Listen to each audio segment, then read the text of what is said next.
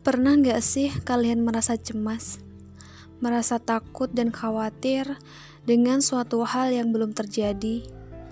Pernah nggak di tengah kecemasan yang sering kali hinggap di dalam hati, kita kemudian berpikir bahwa ada yang menjadi penolong dan pelindung kita. Jadi, kita nggak perlu lagi cemas atau khawatir. Aku kasih contoh sederhananya. Ketika kita punya banyak uang, terus kita simpan uang itu di dalam berangkas dalam rumah kita.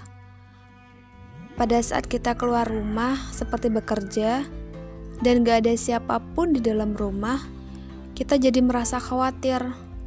Bagaimana kalau rumah kita dibobol maling, terus uang di dalam rumah kita semuanya diambil? Karena khawatir seperti itu, kita jadi menitipkan uang kita di bank dan kita akhirnya merasa tenang karena merasa uang kita aman. Tunggu dulu. Apa pola pikir kita seperti itu sudah 100% benar? Sadar gak sih? Kita ini manusia. Mereka yang kita titipi uang juga sama-sama manusia. Kita sesungguhnya adalah makhluk yang lemah. Kita tidak memiliki kekuatan, karena kekuatan sesungguhnya hanya milik Allah yang Maha Kuat. Lalu, mengapa kita masih percaya uang kita dijaga oleh manusia, tapi kita tidak percayakan kepada Allah? Mengapa kita tidak serahkan segala urusan kepada Yang Maha Kuat? Sebagian hati kita berdalih bahwa menitipkan uang di bank adalah bentuk usaha. Ya memang, itu bisa menjadi suatu bentuk usaha. Tapi mengapa kita tidak ganti usaha itu saja? Kita titipkan harta kita kepada Allah dengan usaha bersedekah.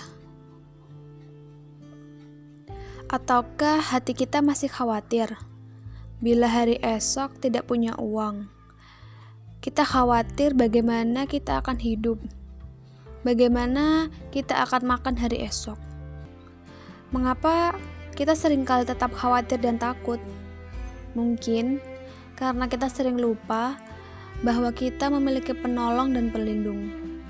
Seharusnya kita tak perlu lagi merasa cemas atau khawatir.